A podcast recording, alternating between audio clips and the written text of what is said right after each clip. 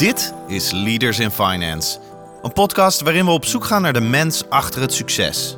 We praten met leiders van nu en later over hun drijfveren, carrière en privéleven. Waarom? Omdat er meer gesproken moet worden in de financiële sector. We willen de partners van deze podcast hartelijk bedanken voor hun steun. Dat zijn Kayak, EY, Otjes Berndsen Executive Search en Roland Berger. Je host is Jeroen Broekema. Welkom bij een extra aflevering van Leaders in Finance. Vandaag over de Young Talents Awards van de VNAB, de Vereniging Nederlandse Assurantiebeurs, oftewel de branchevereniging voor organisaties actief op de zakelijke verzekeringsmarkt. Ik spreek met Ron Verhulsdonk, president Benelux bij Chubb en jurylid van de VNB Young Talent Awards. En ik spreek met de winnaar van deze awards, namelijk Max Hollemans, Process and Change Manager bij Ecclesia. Welkom heren beiden. Dankjewel. Dank je. Ja, dankjewel. Leuk dat jullie er zijn. Ik vind het leuk om in dit gesprek over die awards te praten, over jullie te praten, over jullie ervaringen in jullie uh, nou ja, respectievelijke loopbanen. De een wat korter, de ander wat langer. Daar heb ik heel veel uh, zin in en ik zou het leuk vinden om kennismaking met jullie uh, te hebben hier aan tafel, wie mijn, wie mijn gasten zijn. Ron, misschien te beginnen bij jou. Zou jij jezelf willen introduceren? Ja, ja ik ben Ron Verhulsdonk, 58 jaar sinds kort. Ik heb één dochter ja, en ben getrouwd. Ik, heb, uh, ik wilde eigenlijk altijd gaan varen, dus ik uh, ben naar de Hogere Zeevaartschool gegaan. Uh, daarna zeg maar, heb ik economische bedrijfstechniek ook nog even gedaan, maar ik wilde eigenlijk gaan varen. Dus ik, ik wilde eigenlijk gewoon de wijde wereld in. dat heb ik ook wel een, een halfjaartje gedaan, hè, want ik heb een half jaar mijn stage eigenlijk gevaren. Maar uiteindelijk ben ik al heel snel in de, in de verzekeringenwereld gerold. Um, eigenlijk ook wel omdat daar gewoon heel veel open eindjes in, uh, in zitten, zeg maar. Het is, uh, je, er zijn heel veel mogelijkheden. Het is altijd, je weet eigenlijk nooit als je s ochtends begint hoe de dag eindigt. Uh, er zit veel, er zit heel veel nou ja, onzekerheid in, zeg maar. En ja, het heeft me altijd, heeft mij, is mij eigenlijk altijd. Je bent nooit meer uitgegaan hè, uit die verzekeringswereld. Nee, dat is wel een, dat is wel een dingetje, zeg maar. Dat is, geldt eigenlijk bijna voor iedereen die in de industrie, als ze eenmaal in de industrie zitten, en dan praat ik wel echt ook over de, over de zakelijke markt, denk ik. Het is eigenlijk maar een hele kleine wereld. En iedereen die, uh, bijna iedereen, zeg maar, die daar eenmaal in begint, die, uh, die blijft eigenlijk voor de rest van zijn carrière daar wel in. En er is ook voor iedereen is daar wel iets, iets interessants. Hè? Want er, zijn, er is een hele grote diversiteit aan, aan, aan posities en, en functies in die, in die branche. Je hebt mensen die de wereld rondreizen om bedrijven te bezoeken. Eigenlijk, dat heb ik ook lang gedaan, eigenlijk, zeg maar, als uh, soort uh, inspecteur. Uh, maar er zijn allerlei functies eigenlijk, zeg maar. Je kan heel juridische functies, mensen die echt in de schades heel actief zijn achter een bureau. Maar ook mensen die in de commerciële hoek zitten. Er is eigenlijk voor iedereen wat en op elk niveau. En kom je je oude, tussen aanhalingstekens, wereld van de scheepvaart, van het varen nog tegen nu als verzekeraar? Nou, er zijn opvallend veel mensen zeg maar, uit die hoek die ook in de verzekeringenwereld werken. Dat is Hoe komt dat dan? Ja, dat, uh, dat, weet ik eigenlijk niet. Zeg maar. Ik denk misschien ook wel omdat natuurlijk ook... Uh, nou ja, er zijn ook veel nautische risico's die, uh, die ook verzekerd moeten worden, zeg maar. En dan is het... zo, zo ben ik er eigenlijk ook in, in terecht gekomen. Ik kwam in aanraking, zeg maar, met een met een makelaar die alleen maar nautische risico's deed. Dat was eigenlijk toen ik nog op school zat, op de zeevaartschool. Uh, en toen dacht ik eigenlijk van, wauw, dat is gaaf wat die, uh, wat die gasten doen. Maar die namen dus ook alleen maar mensen aan, zeg maar, die uit de, uh, uit de zeevaart kwamen. Ja. Want die zeiden, wij willen alleen mensen hebben die ook echt weten wat ze, wat ze verzekeren en wat dat, wat dat inhoudt, wat die risico's ook echt inhouden. Nou, grappig hoe je iets heel anders van plan was initieel in je carrière en uiteindelijk in deze wereld terecht kwam en heel lang bleef. Uh, mijn andere tafelgenoten, Max, zou jij jezelf ook willen voorstellen? Jazeker, jazeker. Uh, ik ben Max Hollemans, uh, 28 jaar oud. Ik woon en werk in het mooie Rotterdam bij Ecclesia. En ik ben werkzaam als Process Change Manager. En dat houdt eigenlijk in dat ik me bezighoud met de verandering, digitalisering en ook automatisering van onze processen en systemen om er eigenlijk voor te zorgen om ja, dat, dat we de nieuwste technieken kunnen gebruiken tijdens onze werkzaamheden. Dus uh, werk op een efficiëntere manier uit kunnen voeren. En daarmee uiteindelijk blije werknemers krijgen en ook blije klanten krijgen. En meer tijd kunnen besteden aan onze klanten. Mooi, 28 en 58. De, ja. Het aantal jaar dat jij nu werkt, was je ook van plan om in deze wereld te gaan werken? Wilde jij ook de scheepvaart in of heel ergens anders? Ja, het is wel me, de, de, eerste branche waar ik in werk. Dus ik werk er nu zo'n 4,5 jaar ongeveer in. En uh, toen ik begon, wist ik, of had ik niet voor ogen om er zo lang te blijven zitten. Maar eigenlijk wat, wat Ron ook zegt, ja, dit, er zit iets in die branche dat het heel erg interessant maakt. Het is eigenlijk heel dynamisch. Men denkt vaak verzekeringen, saai, ouderwets, maar het is echt dynamisch. En dat zorgt ervoor dat er continu nieuwe uitdagingen zijn. En dat, uh, ja, dat zorgt ervoor dat ik er uh, in ieder geval nu nog steeds 4,5 jaar al zit. We zullen je nog eens even inchecken bij je als je 58 bent. Kijken of je dan nog steeds actief bent in ja, wie weet, wie weet, de ja. verzekeringswereld. Even over jullie, uh, jullie bedrijven die jullie ook uh, representeren.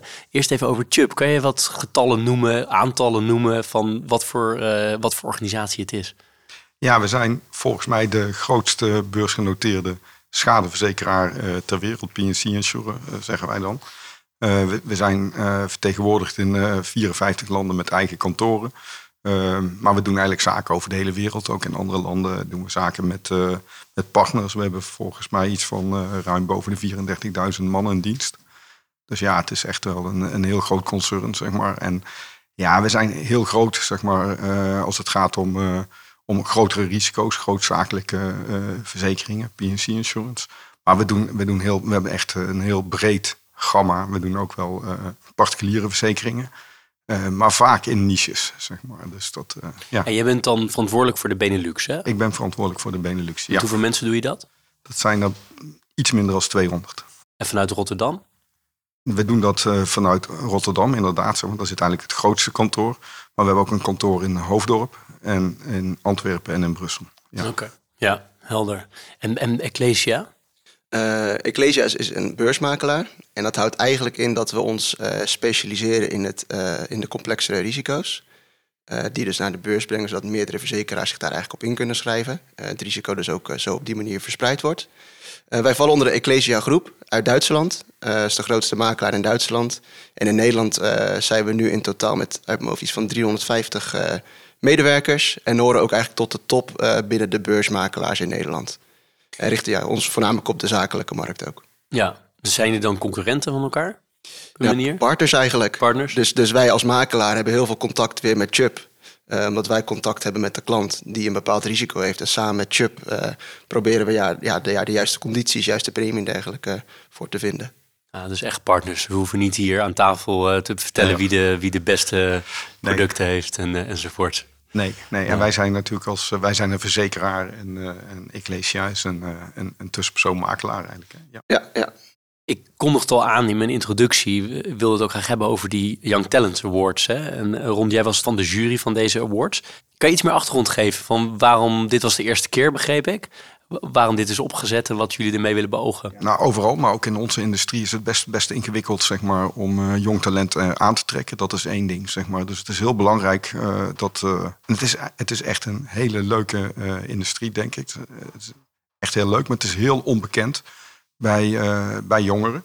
Um, dus ja, we willen graag veel meer bekendheid geven aan deze markt. En eigenlijk ook laten weten hoe leuk het is. Dat is denk ik één hele belangrijke reden. Dus, dus bekendheid van de van, de markt. Uh, en ja, het aantrekken van uh, het beter, makkelijker aantrekken van uh, jong talent. Want wat is jong talent dan? Wat voor soort achtergronden hebben die mensen? Kan het alles zijn? Ja, dat denk ik echt. Zeg maar. dat, ja, dat kan echt alles zijn. Want je, het is heel breed. En wat ik zelf al zeg, mijn, mijn interesses lagen meer in de nautische hoek. Ik moest altijd wel lachen, want een, iemand met wie ik zelf begon, die was socioloog. Er zit echt alles in. En ik denk ook dat er voor, voor alles en iedereen mogelijkheden zijn. Ook op heel verschillende niveaus. Hè. Dus um, het is ook zo, zeg maar, wij hebben zelf een programma nu opgestart. Chup Academy is dat, zeg maar, waar, waar we heel breed zoeken. En ook niet noodzakelijker, noodzakelijkerwijs naar mensen met een hogere opleiding of een afgeronde opleiding, maar echt heel breed. Omdat we graag heel divers willen, willen werven. En eigenlijk zeg maar, kunnen we heel veel zelf opleiden. dus het is niet zo dat je van school mensen aanneemt die meteen nou, volop in de bak kunnen, zeg maar, in de, in, in de grootzakelijke markt. Er moet gewoon heel veel training gebeuren. en dat kan eigenlijk dus met, dat kan heel breed. Dus, dus jong talent zou ik zeggen, zijn mensen die, in, die beginnen en wat jonger zijn, maar die aan het begin van hun carrière staan. Want waarom is de sector relatief onbekend dan? Want als je natuurlijk naar de particulier, grote particuliere verzekeraars kijkt, die zijn heel bekend, denk ik.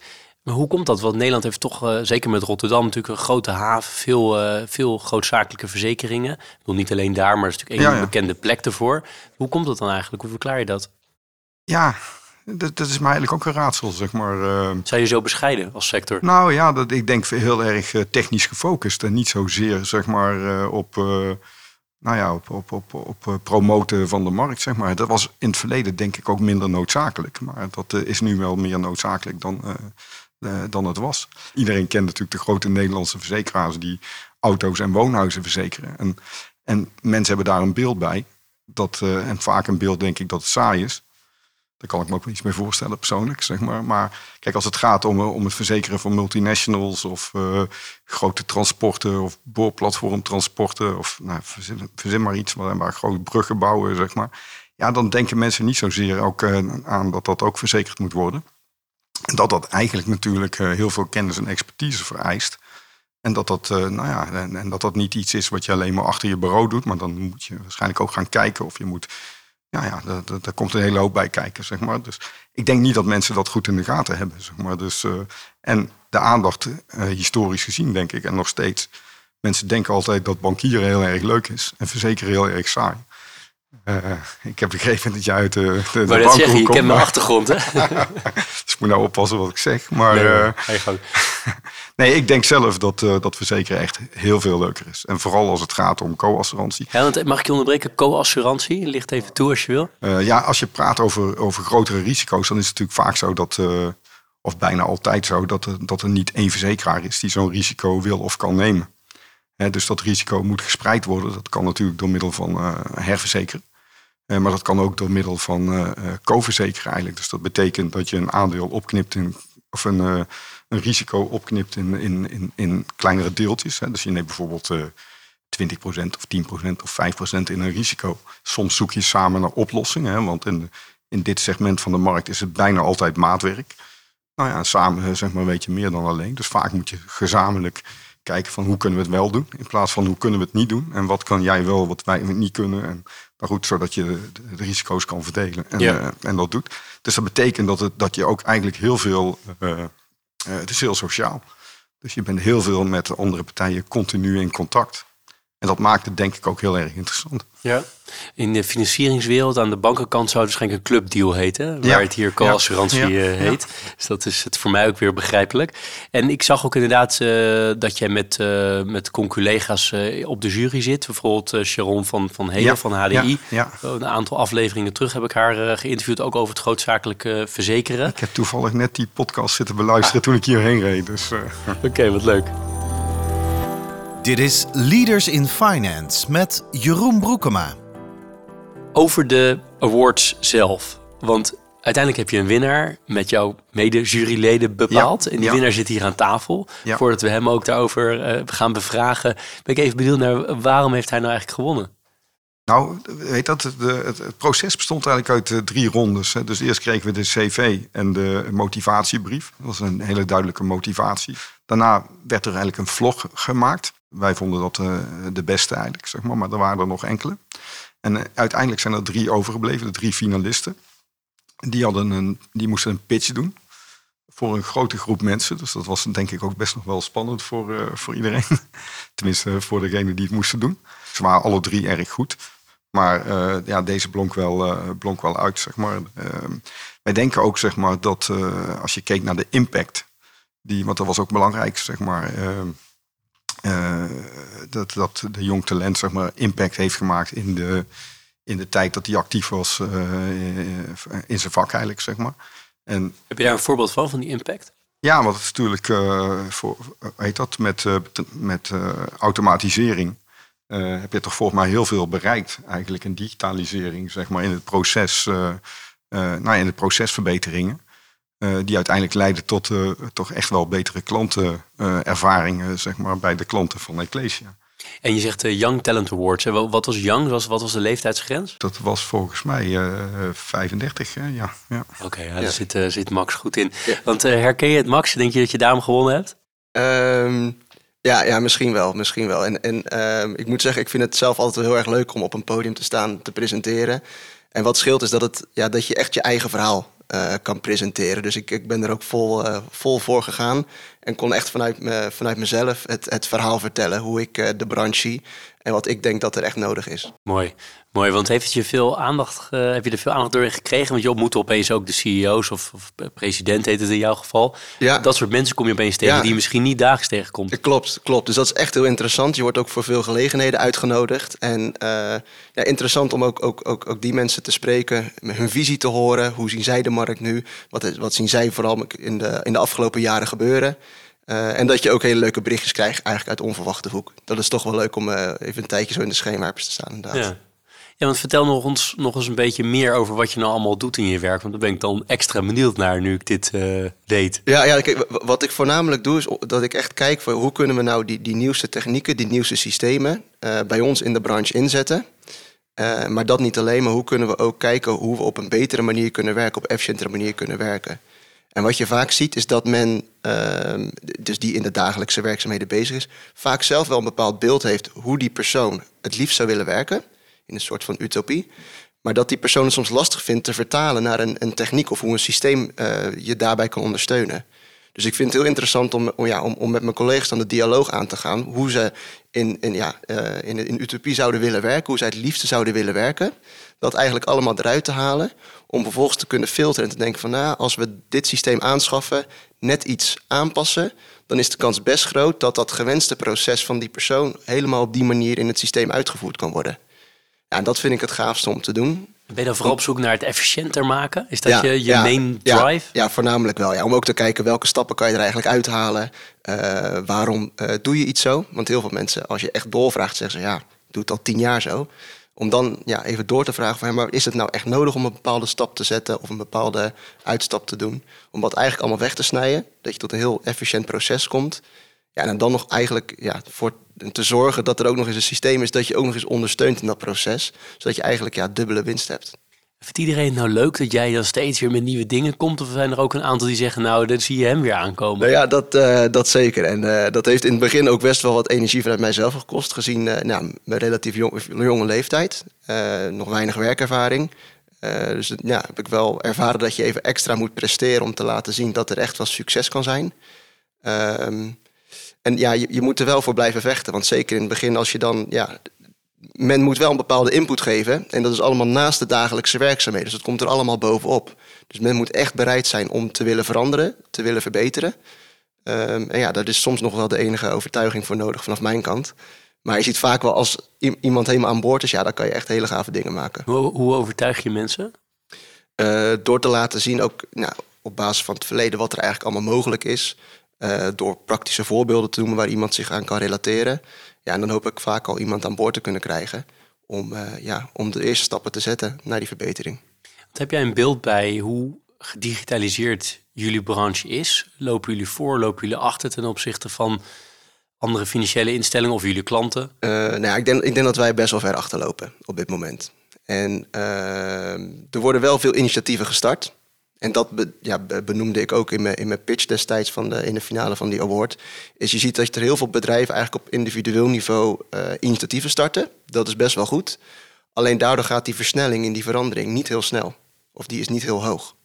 En ik hoop dat, nou ja, mede door onze branchevereniging, de VNAB, eh, dat we die partijen eigenlijk de keten bij elkaar kunnen, kunnen brengen om ervoor te zorgen dat we kunnen, met elkaar kunnen kijken hoe we die eh, processen gaan veranderen. Hoe we die nieuwste systemen eh, inzetten. En dan heb je het met name over dus tussenpartijen. Bijvoorbeeld tussen jullie als, eh, als broker en aan de, naar Chubb toe. Of Ja, bin- ja, precies binnen, dat. binnen de organisatie. Nee, echt de, de hele keten. Keten. Dus, dus bij wijze van spreken van, eh, van Chubb tot Ecclesia als makelaar, verzekeraar-makelaar tot eindklant. Even heel simplistisch uitgelegd. Ja, dat we daar de processen op orde hebben. Op een ja, zoveel als mogelijk uniform manier werken. Maar in ieder geval ook digitaal. Want uiteindelijk komt dat de hele branche ten goede. Alleen ja, dan zit je natuurlijk wel dat je, je moet samenwerken eh, als partners zijnde. Je moet samen die investering doen.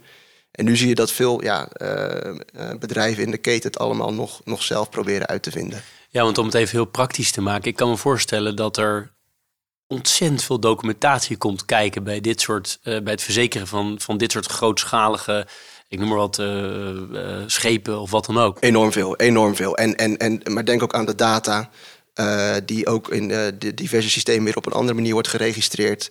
Dat zijn, dat zijn enorm complexe vraagstukken. Uh, maar nogmaals, ik denk, ben echt van mening dat als we elkaar opzoeken in de branche en even uh, de, het, uh, het, het, feit dat we soms ook concurrenten zijn, even, even kunnen parkeren, dat we er echt voor zorgen dat we als branche, als, als geheel, uiteindelijk vooruit gaan. Ja, en over, jij, over jouzelf, ben je ambitieus iemand? Uh, ja, dat denk ik wel, ja. ja en je wil een keer op uh, Ronse, Ronse stoel zitten? Ja, nou, dat lijkt, ja, het lijkt me gaaf om inderdaad uh, gewoon ja, met, met bedrijven, teams, ook naar het volgende niveau te brengen. Zoals ik dat nu doe met, met de afdelingen, met de werknemers, om te kijken van hey, hoe kunnen we nu naar het volgende niveau gaan. Maar om dat dan ja, op wat groot, ja, grotere schaal te kunnen doen, om op die manier verder impact te maken. Waar zit die drive? Waar komt die vandaan? Ja, ik, het, misschien ook het, het, het continu willen verbeteren van jezelf. En uh, dat merk ik ook in, in mijn sporten en dergelijke. En eigenlijk in, in elke facet probeer ik inderdaad mezelf uit te dagen en weer ja, verder te gaan. Uh, en het liefste daarbij ook anderen te helpen. Dat vind ik het meest, het meest gave. Ja, dus er is ook wel een competitief element aan, hoor ik. Ja, ik weet ja, niet welke klopt. sport je doet, maar... ja, nee, voornamelijk hardlopen, hockey, padel. voornamelijk Daar wil je ook wel graag winnen dus? Eigenlijk wel, ja. Ja, ja, ja, ja, klopt. Ja, ja, zeker. Zo te horen ook niet per se ten, niet ten koste van anderen, niet ten koste maar wel van anderen, bewijzen. Precies, ja. ja. ja mooi. En wat, wat zijn nou voor jou al in die, in die uh, eerste paar jaar van je loopbaan, wat zijn nou dingen die je echt geleerd hebt waarvan je nu achteraf denkt van oeh, dat was wel echt even eentje die ik moest leren? Um, ik was uh, enorm ongeduldig. Uh, en ongeduld in combinatie met een hele hoge drive loop je continu eigenlijk tegen de muur aan. Uh, en dan ben je voornamelijk bezig met uh, waar je over vijf jaar wil zijn. En op het moment dat je aan het werk bent, dan vergeet je eigenlijk ook van de, ja, dat klinkt heel filosofisch, maar van de reis te genieten. Van alles wat je meemaakt en daarvan te leren. Omdat je alleen maar vijf jaar vooruit kijkt op een bepaald punt op de horizon. Terwijl als je vaker eigenlijk stilstaat bij van, wat ben ik nu aan het doen? Vind ik het leuk, interessant? Uh, hoe kan ik me, ja, hier mijn energie en passie in kwijt? Hoe kwam je nou achter zoiets? Want hoe werkt dat praktisch? Door eigenlijk ook heel veel met anderen te praten. Kreeg je dus, het vaak terug? Ja, ja, ik kreeg het vaak terug. Uh, ook door veel met uh, coaches te werken en je ook kwetsbaar op te stellen. Dus ik ben altijd wel continu op zoek naar feedback um, van, van, met, uh, ja, met de, van de personen met wie ik werk. om ja, telkens ja, eigenlijk ook een spiegel voor te houden. En nou ja, ik denk na een jaar of twee viel in één keer het kwartje dat ik dacht van ja, niet alles komt op de dag aan. En nou, ik zit denk nu in een fase dat het soms op een week of maand aankomt.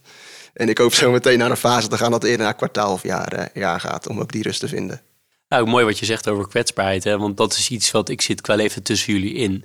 En dat is wel iets wat je ook bij de CEO's die op deze podcast allemaal komen, wat je ziet is dat dat toch ook wel, het is iets wat stereotyperend, maar het gaat bijna altijd op, dat het ook een leeftijds issue is over hoe kwetsbaar mensen willen opstellen. Zeg maar mijn generatie en jonger, waar jou dus ook onder valt die is daar toch iets meer in opgegroeid. Maar dan gaan we zo horen of, of jij het met me eens bent, Ron. Maar om iets kwetsbaarder zich op te stellen. En uh, dan kan je natuurlijk wel sneller leren. Maar het is ook eng om te doen. Terwijl er is ook een generatie die dat gewoon veel lastiger vindt om iets over zichzelf vrij te geven. Klopt, klopt. En, en, en wat ook scheelt is in, in welke werkomgeving je zit. Ik moet zeggen, ik, ik zit nu in een werkomgeving waarbij het niet erg is om, om fouten te maken. Uh, zolang je wel natuurlijk van je fouten leert. Uh, maar dat zorgt ervoor dat je ook ja, zelfverzekerde bepaalde stappen neemt, verantwoordelijkheid durft te nemen uh, en ook feedback durft te vragen. En ja, dat, dat je ook weet dat als het een keer fout gaat, dat je niet direct afgestraft wordt. Maar dat er voornamelijk ja, dat moment wordt gebruikt om van te leren, zodat je die fout niet nog een keer maakt. Ja, je hebt met andere woorden een veilige omgeving nodig om te kunnen leren. Ja. Want Ron, als je kijkt naar de, de maxen in jouw organisatie en om je heen, zie je daar heel, is dat een heel andere manier van werken dan toen jij startte met werken?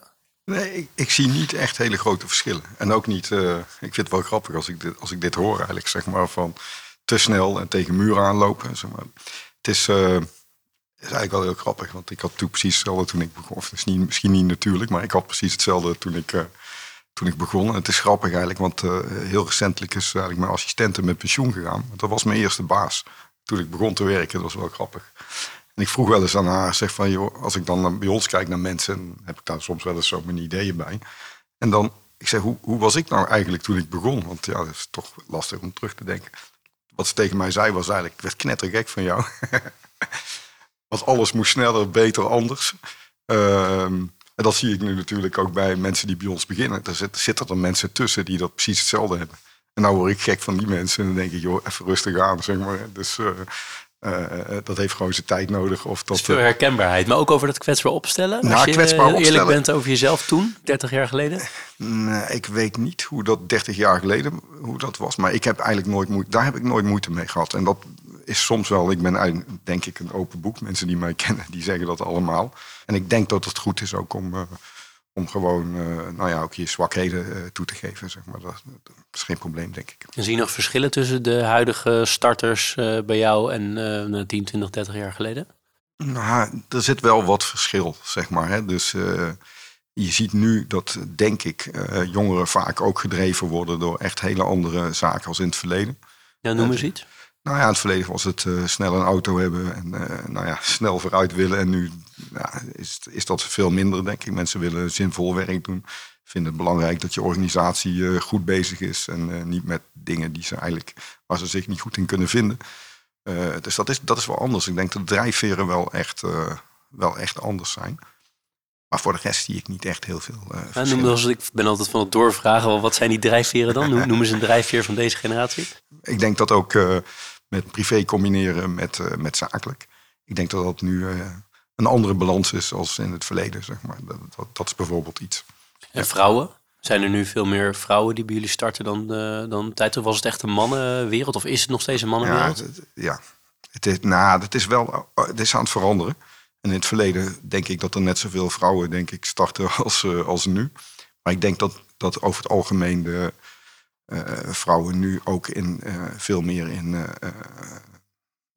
nou ja, in, in meer senior posities zitten als in het verleden.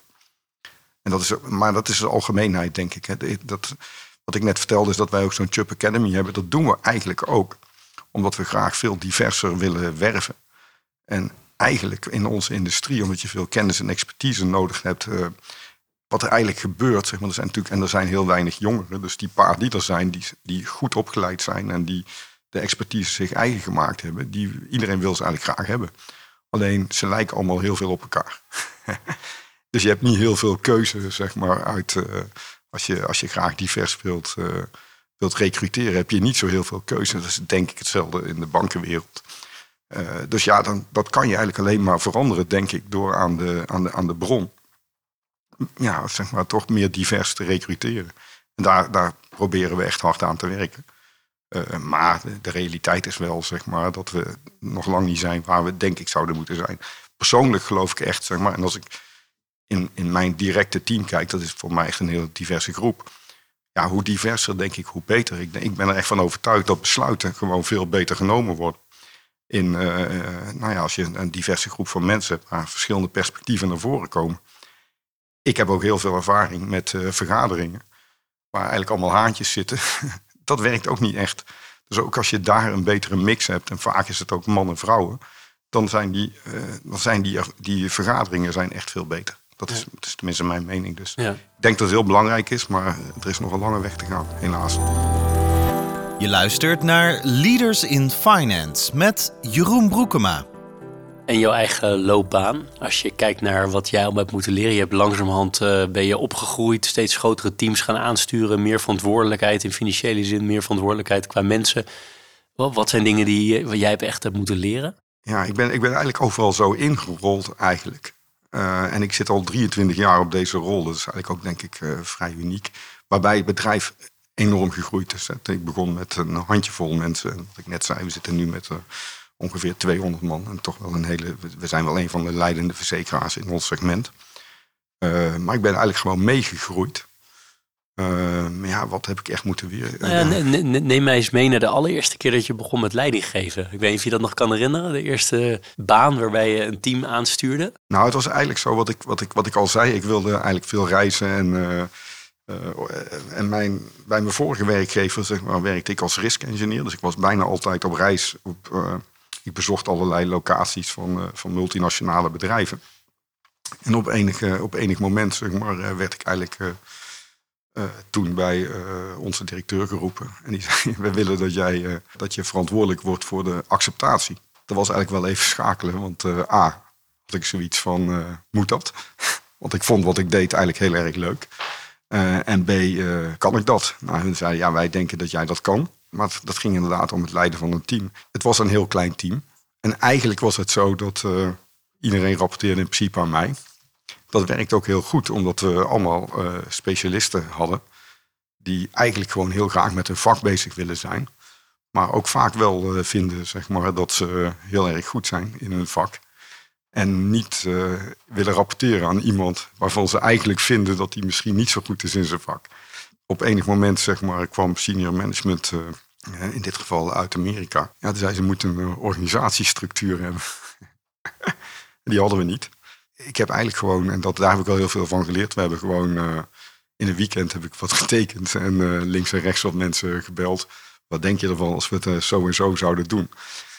Uh, ik was even vergeten dat er ook uh, ondernemingsraad en zo uh, ook nog wat te zeggen had. Maar eigenlijk zeg maar, hebben we dat toen zo doorgevoerd. En daar heb ik wel veel van geleerd. Ja, dus wat je uiteindelijk geleerd hebt is soms moet je dus ook gewoon maar doorzetten en doen. Ja. Is dat dan de leerles? Of? Nou, dat was denk ik voor mij wel een, wel een leerles. Want je kan natuurlijk oeverloos lang erover overleggen en doen. En een hele hoop feedback vragen. Waardoor er misschien wel een half jaar lang onrust is. Nou, die hebben we nu in ieder geval voorkomen. Ja, dus de, aan de ene kant soms, maar heb je ook wel eens gehad andersom dat je denkt, hier ben ik echt te hard doorgegaan. Ik heb te weinig mensen meegekregen en daardoor ja. gaat het nu mis in de implementatie? dat heb ik uh, best ook wel meegemaakt, ja. ja. Dus je hebt beide kanten ervan uh, gezien, de voor- en nadelen? Voor- en nadelen, zeg maar. En, natuurlijk als je groter wordt, kan het ook niet meer zo, uh, kan je niet meer zo, zo rukzichtloos dat soort dingen doen. Maar ik weet eigenlijk niet precies. Het is allemaal, het is gewoon gegroeid eigenlijk allemaal. Zeg maar. Dus, en, en Max, we horen eigenlijk ook wel, even mijn woorden hoor, maar dat, je, dat Ron ook wel in dingen zo terecht is gekomen. Dat het veel dingen natuurlijk toevallig zijn. Ik denk dat dat is iets van een thema wat altijd terugkomt bij alle CEO's die ik spreek. Heb jij dat ook, dat je denkt van nou, ik zie wel waar ik uitkom, of ben je toch dingen aan het uitstippelen? Um, nou, ik, ik, vijf, vier jaar geleden had ik echt een, een doel. En, en dat is wel nu meer gegaan van nou, ik, ik zie wel waar ik uitkom. En uh, het, het, is veel ook toeval en je moet een beetje geluk hebben. Maar het belangrijkste is, is je, je moet altijd je ogen open houden en voor kansen openstaan. En soms ook het, het, het, ja, het risico durven nemen om, om ergens in te stappen of, of die kans te nemen. Heb je dat al en, uh, bij, de, aan de hand, bij de hand gehad? Um, ja, dus soms in één keer. Ik, ik heb nu een, een half jaar in, in Brussel ben ik gaan werken. Uh, wel bij een zusterbedrijf van, van Ecclesia. Um, maar totaal geen kaas gegeten van cultuurverschillen. Uh, hoewel het natuurlijk maar uh, ja, 150 kilometer onder Rotterdam is. Uh, totaal andere, andere culturen. en daar met de directie samenwerken om, om een strategie te schrijven. En een algemene opdracht te krijgen van nou, ga hier procesverbeteringen doorvoeren. Wist eigenlijk totaal niet waar ik aan zou beginnen. Maar ik dacht van nou, ik ga het maar gewoon doen. En ongetwijfeld zal het goed gaan. En uiteindelijk een super leerzame periode gehad. Heel veel van die cultuur leren kennen. Halfjaartje, ja, tussen haakjes, buitenland maar in ieder geval een halfjaartje verder weg gewoond. Um, om daar weer heel veel nieuwe dingen te leren en weer terug te gaan naar, uh, naar, naar Rotterdam, naar mijn eigen omgeving. Uh, ja, zorgt er uiteindelijk voor dat je weer met heel veel nieuwe ervaring weer verder gaat. En ja, dat is iets wat je niet, niet op voorhand kan, kan voorzien. Nee, ja, je moet wel die kansen durven grijpen dan. Nog één ander ding wat ik ook uit, uh, uit Rons verhaal pik, is hij zei op een bepaald moment, ik wist toen eigenlijk helemaal niet of ik het zou kunnen. Maar mensen zeiden, ik kan, je, je kan het zeker. En toen is hij het gaan doen. In mijn woorden, ik hoop ik het goed ja, samenvat. Ja, klopt wel. Maar heb jij dat ook, dat je soms denkt van... Hmm, wat ik nu moet gaan doen, dat weet eigenlijk niet of ik het kan. En dat je dan een soort van, ja, van mensen moet horen van je kan het wel? Uh, dat is een goede vraag. Daar heb ik nog nooit eerder eigenlijk zo echt over nagedacht. Ik kan het allemaal wel. Nee, nee, nee, gelukkig niet. Ik, wat ik wel altijd doe is, uh, ja, zou ik het kunnen doen? En uh, zijn er de juiste mensen om mij heen die me daarin kunnen, kunnen sturen? Dus ik weet dat ik sommige dingen ook echt niet kan. Uh, dus daar, daar, daar, dan ga ik me echt op uh, glad ijs begeven of bevinden als ik, als ik daar iets in ga doen. maar zodra ik weet dat het een beetje in de lijn ligt met wat ik leuk vind en interessant vind, dan, ja, dan ga ik de uitdaging wat snel aan. Je hebt nu een aantal jaar werkervaring. Ik weet niet hoeveel precies. Ja, 4,5. 4,5. Ja. En je ziet nu mensen bij jou starten. En je zou ze een tip moeten geven, of meerdere tips, wat zou dat dan zijn? Ik ga het jou ook zo vragen, Ron.